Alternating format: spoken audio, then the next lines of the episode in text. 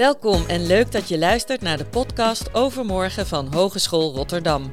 In deze podcast bespreekt Arjen van Klink met diverse gasten de grote thema's die spelen in onze economie en maatschappij en die relevant zijn voor Hogeschool Rotterdam als kennisinstelling.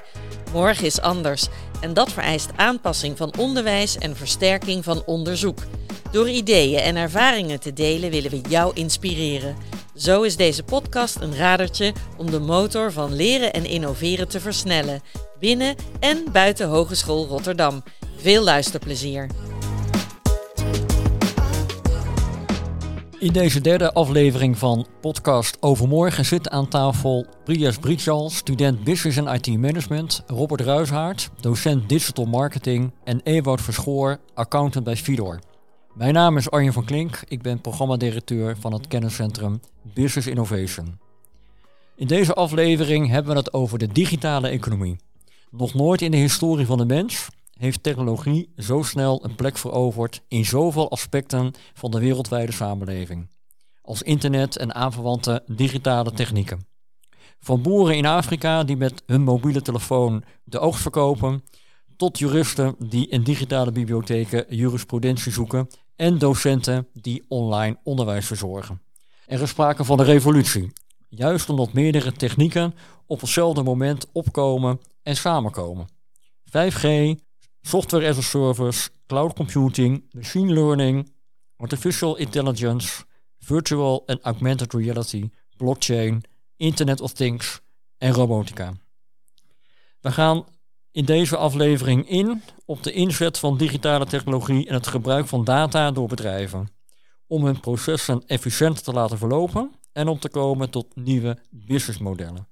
Daar gaan je op kansen, risico's en dilemma's. Het gaat over digital transformation en digital literacy. We beginnen buiten en eindigen, zoals gebruikelijk bij deze podcast, binnen. De gevolgen voor het onderwijs bij onze hogeschool. Uh, heren, welkom. Uh, om maar met een uh, basisvraag te beginnen. Data. Waar denken jullie aan? Ja, ik denk dat als je naar data gaat kijken, dat dat rauwe informatie is, onbewerkt. Uh, dat bewerkt dient te worden om er iets over te kunnen zeggen. Het is de basis van automatisering. Data is een reeks verzameling van gegevens. Daar kan je kennis aan toevoegen. Dan wordt het informatie. Ja, ik zie data als de laagste trap van de informatieladder. Eigenlijk de basis waaruit je insights kan krijgen, waaruit je doelen kan krijgen. Wat, wat, wat zijn voorbeelden van data waarvan jullie zeggen van dat was voor mij een verrassing dat je dat ook als data kan ophalen, kan zien? Zelf heb ik er niet mee gewerkt, maar ik uh, zie vooral het voorbeeld van boeren. Boeren hebben sensoren in hun veld zitten die precies weten ja, hoe, hoe snel het uh, gewas groeit, hoe snel hun producten groeien. En ik vind dat wel ja, bijzonder dat in een beroep dat zo, ja, eigenlijk waar je geen data bij kan voorstellen, dat het zo, zo technisch is. Ik denk dat Nederland daar nog steeds heel erg in voorop loopt. De automatisering van de agrarische sector. Ewout, uh, Fido Accountants uh, doet mee uh, in een project bij de hogeschool over de digitale accountant. Want jullie uh, beroepsgroep wordt ook heel duidelijk uh, geraakt door digitalisering. Uh, Fidor Accountants in Ridderkerk is een koploper in de accountancy waar het gaat om de inzet van automatisering. Um, kan jij uitleggen waarom jullie op dit punt snelheid hebben gemaakt? Wat daar de, de overwegingen bij waren? Het is een uh, strategische keuze geweest uh, bij de oprichting van, uh, van Fidor in 2011. dus we hopen dit jaar tien jaar te bestaan. En we hebben heel erg strategische keuzes gemaakt om zoveel mogelijk te digitaliseren, zoveel mogelijk te standaardiseren. Ook een heel belangrijk onderdeel in digitalisering, omdat je dan veel makkelijker uitspraak kan doen over een heel groot speelveld van data. zonder dat je heel veel tijd hoeft te besteden aan transformatie. Uh, eigenlijk altijd met de achterliggende gedachte, hoe meer wij automatiseren, um, hoe meer tijd we hebben voor onze klanten om echt um, te weten van wat drijft die klant nu en waar wil die met zijn onderneming naartoe. Uh, dat kan heel divers zijn.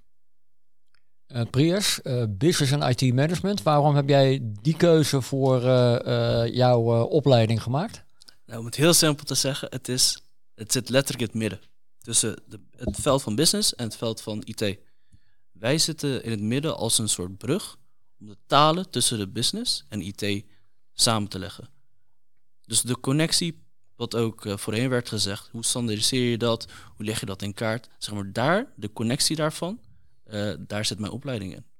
Robert, uh, docent digital marketing. Um, wat, wat is jouw drijfveer om die, om die toch het, ja, grote groep marketeers iets te leren over digitalisering?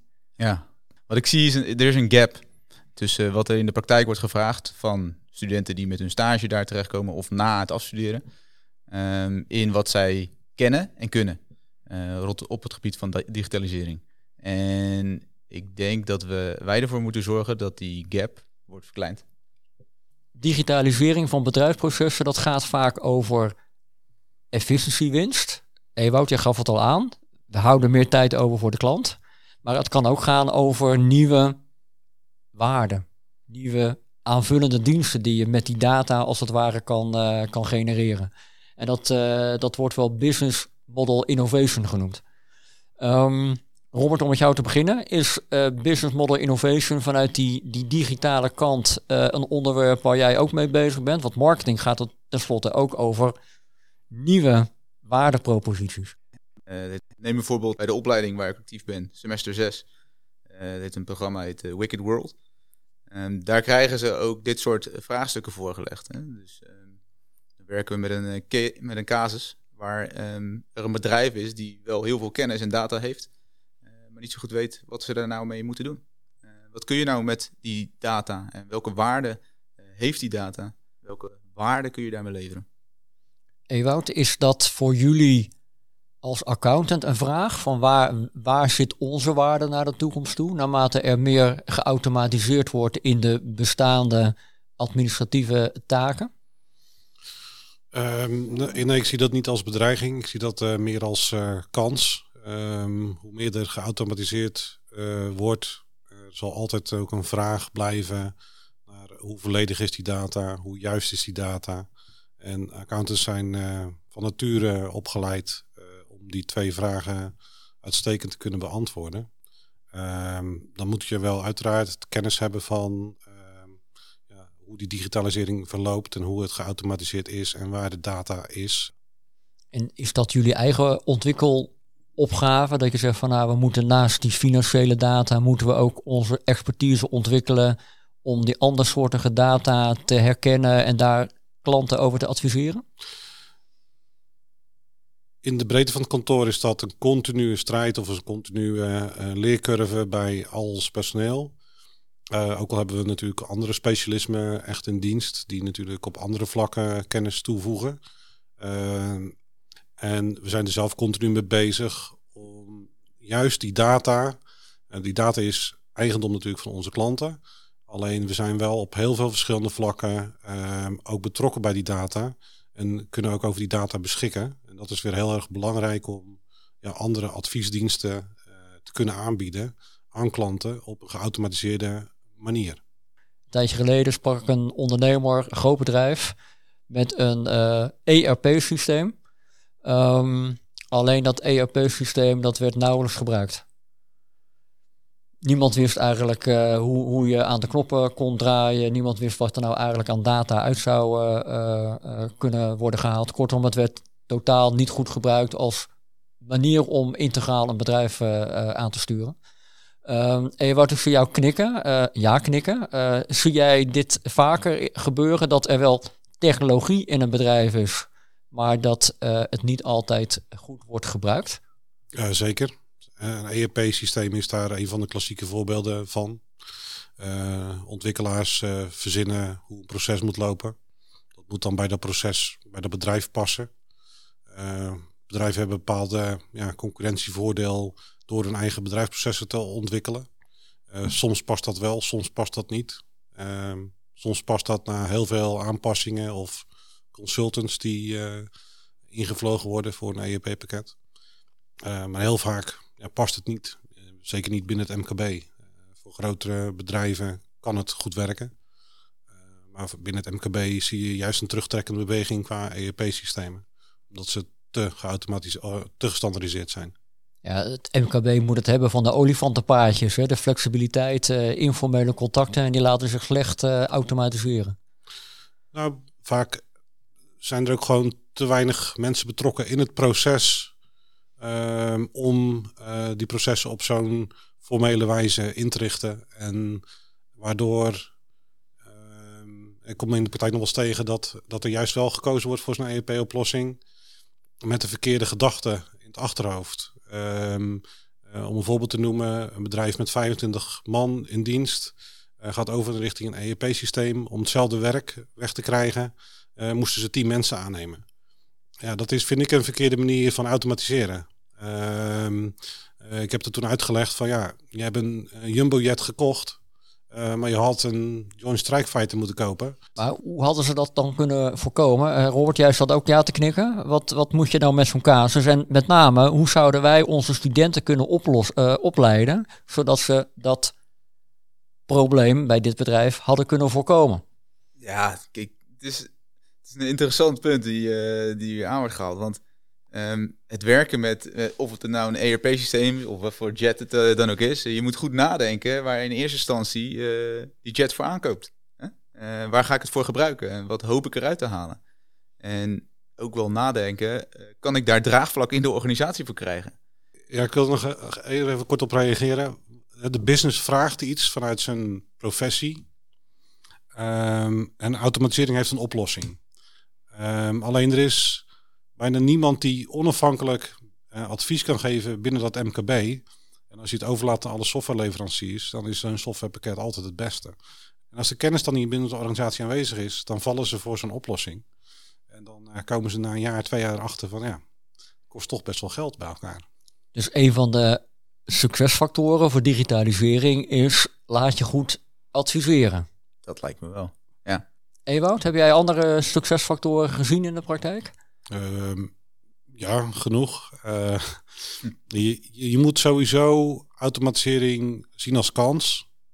En de kansen omarmen en ermee bezig zijn. Want we zien ook nog te vaak, uh, in het MKB zeker, we verdienen toch geld. We zijn toch succesvol. Het zal onze tijd wel duren. Uh, een beetje een afwachtende houding.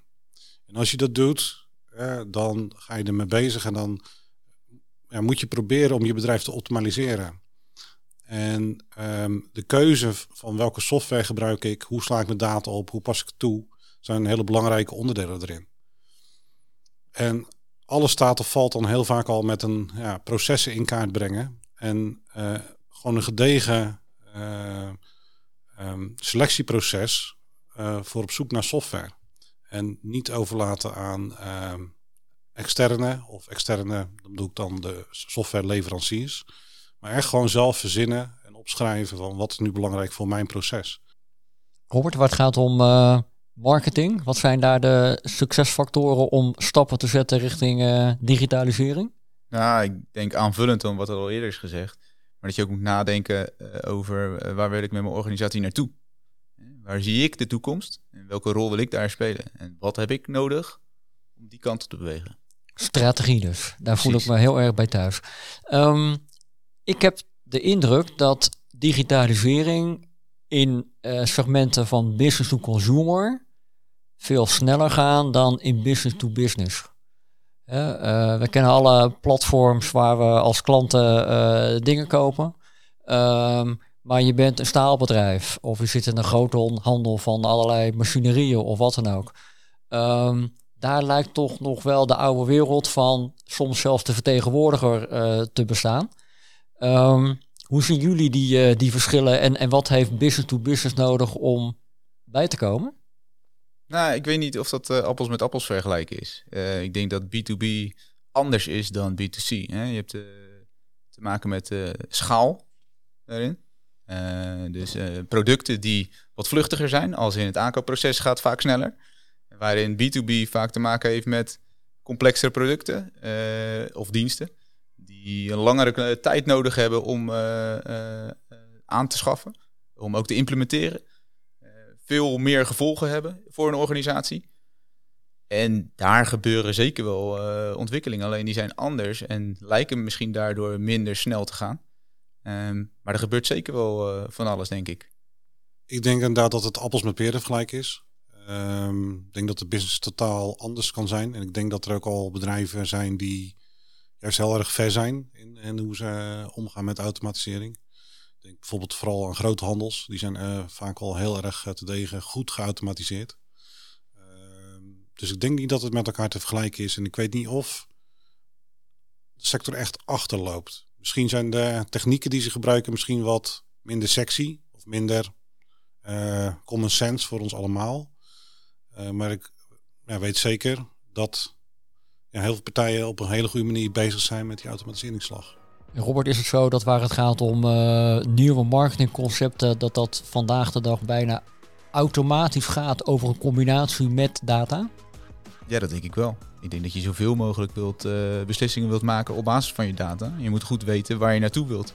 En zijn dat dan altijd ook hele nieuwe businessmodellen waarin op een andere manier geld wordt verdiend? Dat kan, ja. Uh, je noemde net in de intro al een aantal voorbeelden daarvan. Hè. Dus uh, we werken met het, het verplaatsen van producten naar services. En als je dan hoort wat Ewout vertelt over uh, uh, het accountantskantoor, zeg je dan van ja, dat is een logische ontwikkeling dat je als het ware evolueert van die traditionele activiteiten naar nieuwe. Zie je daar nog extra mogelijkheden of risico's je zegt van joh, even opletten? Nou ja, ik denk dat het een goede ontwikkeling is. Hè, want je wil daarin ontwikkelen. Je wil dat dat uh, digitaler en dat je daardoor ook met organisaties daarbij kunt helpen. Er zitten natuurlijk risico's aan. Ik kan me voorstellen dat als je te maken hebt met financiële gegevens, dat bedrijven zoiets hebben, klanten, oeh, dat is spannend. Uh, is toch wel gevoelige informatie. Um, en dat betrouwbaarheid, vanuit de marketingperspectief denk ik, uh, daar een belangrijke rol is. Ja, dat gaat dus ook over het, het, het herkennen van welke data hebben we eigenlijk. En het kunnen interpreteren van die data. Hoe, hoe, hoe gaan we daar uh, in onze opleidingen mee om naar, naar studenten? Dat is best wel een, een nieuw vakgebied. Ja, dat is absoluut een nieuw vakgebied. Ik denk dat uh, in zijn opleiding uh, veel meer mee te maken krijgt. En daar ook, denk ik, veel vaardiger in is. Veel meer kennis en vaardigheden heeft. En die slag moeten we maken, ook bij de andere opleidingen binnen de HBS. Om daarin ook met andere disciplines te kunnen communiceren. Preers dus het combineren van verschillende disciplines. Zit daar uh, het ei van Columbus? Ik zou zeggen van ja. We, merken het ook op de opleiding zelf. We krijgen heel basis al, al de vakgebieden. Dus we krijgen een, een beetje marketing, een beetje operations, een beetje HRM. Om echt een sens te krijgen van oké, wat voor verschillende gebieden zijn er waaruit data gehaald kan worden. Maar waar ook data op uh, gebruikt kan worden. Om insights te krijgen, om te zien van oké, wat kunnen we doen kan er misschien nog even wat aan toevoegen. Um, als je uh, bijvoorbeeld een jurist en een commercieel iemand naar data laat kijken, dan komt er per definitie nooit meer een marketingcampagne. Uh, want die ziet heel veel risico's en de ander ziet heel veel mogelijkheden. Dus het is belangrijk, zeg maar, dat je wel bepaalde vakgebieden laat samenwerken. Dus vanuit hun expertise, zeg maar, de juiste bril opzetten. Om te kijken van hoe kunnen wij nu de business of het businessmodel verder helpen. Uh, maar je, je zit ook altijd in een ja, strijd van ja, vertrouwelijkheid, veiligheid, uh, volledigheid, juistheid uh, en noem alles maar op. Je moet uh, multidisciplinair samenwerken, maar je moet ook af en toe kunnen relativeren. Ja, relativeren en het overzicht houden, totale proces kunnen overzien. En dan toch weer terugzoomen naar het detail van waar ligt die data dan vast. Ja. Ik denk dat uh, uh, Shakia Nina, lid van het college van bestuur, dit uh, als muziek in de oren klinkt. Ik sprak Zakia eerder en ik vroeg haar naar haar visie op uh, digitalisering bij onze hogeschool. De stelling. Ja, Arjan, ontzettend mooi thema. Thema na aan mijn hart. Uh, en die heeft wat mij betreft twee kanten. de ene kant is de datakant. Hè, dat is ons gebruikt de term zijn onze studenten in de toekomst ook data geletterd. En daarmee bedoel ik, zijn al onze studenten in de moderne business school zich bewust in welke mate in het normale leven, in de maatschappij, maar ook in de toekomstige economie, data wordt verzameld, bewerkt en gebruikt voor verdienmodellen, voor activiteiten, voor van alles en nog wat. Zijn ze zich daarvan bewust? Zijn ze niet bang om met die data te spelen? Uh, niet dat ik vind dat in ieder een econometrist of een statisticus moet worden. Maar men moet zeker geen angst hebben om daarmee te spelen en er bewust van zijn. Dat is dan een beetje de harde kant, alhoewel het ook wel iets zachts in zich heeft. Uh, en de tweede kant daarvan is, is in ieder zich ook bewust, en dat heeft meer van doen met uh, de inzet van kunstmatige intelligentie en de groei ervan, wat gebruik maakt van die data, is iedereen zich ook bewust van de menskant van kunstmatige intelligentie inzetten. Denk je ook na als dadelijk toekomstig student in de, bijvoorbeeld de marketing, uh, hoe kunstmatige intelligentie misschien bepaalde prikkels op basis van data teruggeeft en wat daar de ethische vragen bij zijn. En dat noem ik de zachte kant. Zakia schetst twee kanten. Um, de harde kant en uh, de zachte kant, waar het gaat om de opgave waar, uh, waar wij voor staan. Robert, de linker en de rechterhelft, die hebben we te stimuleren bij de, bij de student. Uh, hoe gaat dat in, in de praktijk van de minor digital marketing?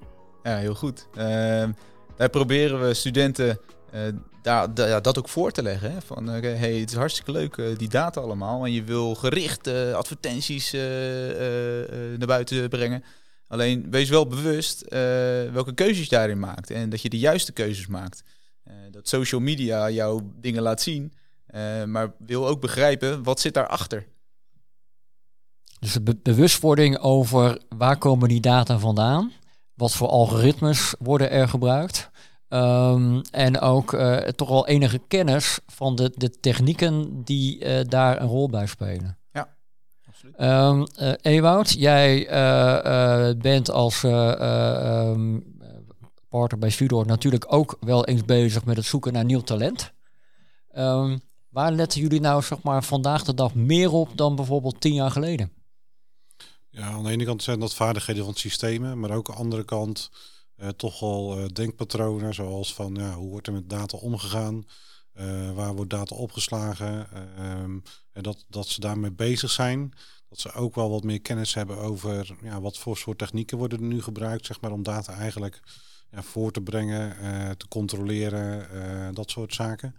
Ehm, maar ook heel erg juist de menselijke kanten van. En dan met name in ons vakgebied de communicatiekanten van.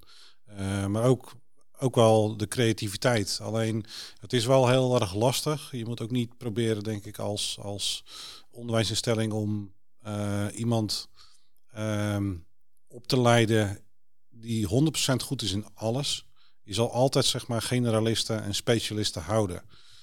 En uh, generalisten, daar zal meer behoefte aan zijn dan denk ik aan specialisten. Alhoewel specialisten ook weer altijd gevraagd worden in een veel breder spectrum. En afhankelijk van hun specialisme meer of minder gevraagd worden. Uh, Prius, jij had het uh, al over uh, de combinatie van technologie en business in, in jouw opleiding.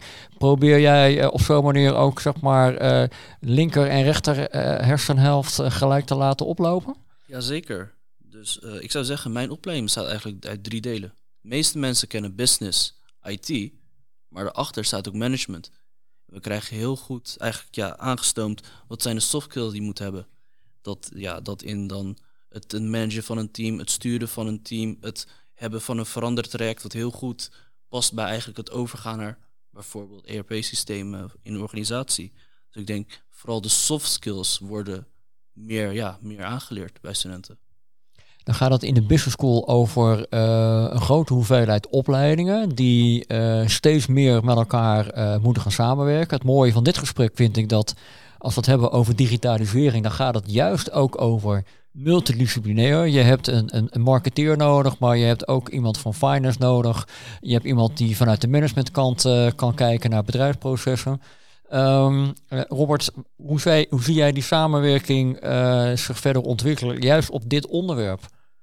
Als je gaat kijken naar data, dan heb je natuurlijk de, de technische kennis en vaardigheden. Uh, we hebben de creatievelingen uh, in onze business school zitten.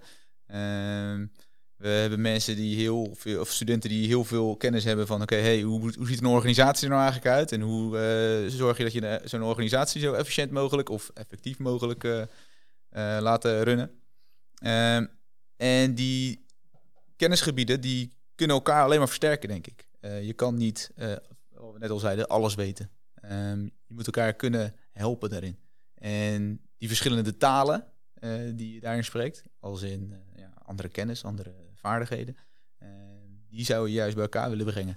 En dat is soms nog wel eens lastig. Ik denk dat de rol van ons als docenten, dat wij daar een, belangrijke rol in spelen.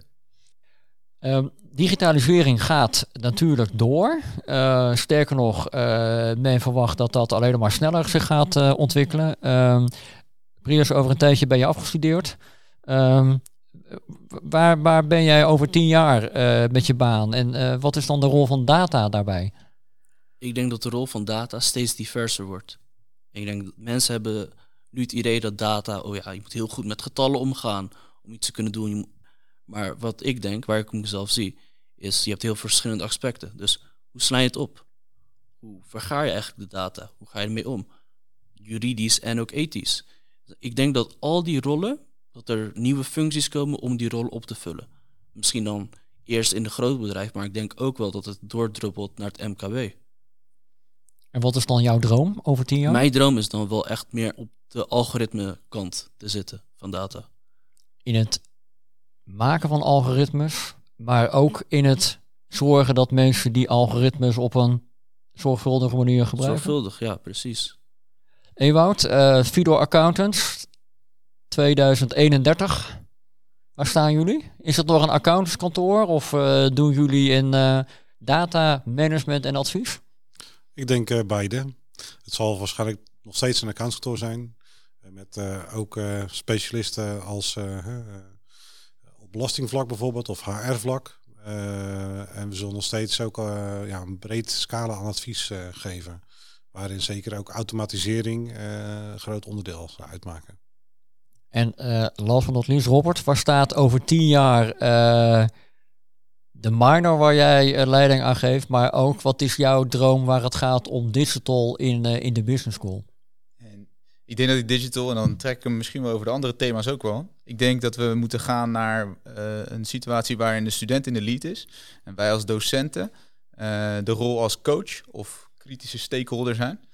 om ze te helpen in een, hun leerproces, in waar zij naartoe willen. Oké, en dat betekent dat de docent zich toch ook nog wel moet bekwamen in de inhoud. Absoluut. En die moet dan, ook buiten beginnen. Als je het dan over digital hebt, dan, dan heeft het te maken met digital literacy. Ja. Dus niet alleen de student, maar ook de docent. Um, we zijn aan het einde gekomen van dit, uh, van dit gesprek. Er is nog veel meer te bespreken over uh, digitale economie. Dat doen we mogelijk in een volgende podcast. Ik wil uh, Prius, Ewoud en Robert bedanken voor hun inbreng vanmiddag. Uh, heel interessant om te zien dat het natuurlijk gaat over technologie. Dat het gaat over data, maar dat het ook gaat over samenwerking. Samenwerking tussen de binnenwereld en de buitenwereld. En samenwerking tussen verschillende disciplines. En daar kunnen we eigenlijk vandaag de dag al, uh, al mee beginnen. Uh, bedankt voor jullie uh, inbreng. luisteraars, bedankt voor het luisteren. In een volgende podcast gaan we in op het derde thema van de vier die wij als Business School omarmen. Namelijk het thema betekeniseconomie. Ook dan weer met een ondernemer of een manager aan tafel. Zodat we weer van buiten naar, naar binnen kunnen kijken. Blijf dus luisteren. Graag tot de volgende keer. Dit was weer een aflevering van Overmorgen. Wil je meer weten over deze podcast of heb je suggesties? Mail dan naar hrbs-communicatie.hr.nl. Bedankt voor het luisteren en graag tot de volgende keer.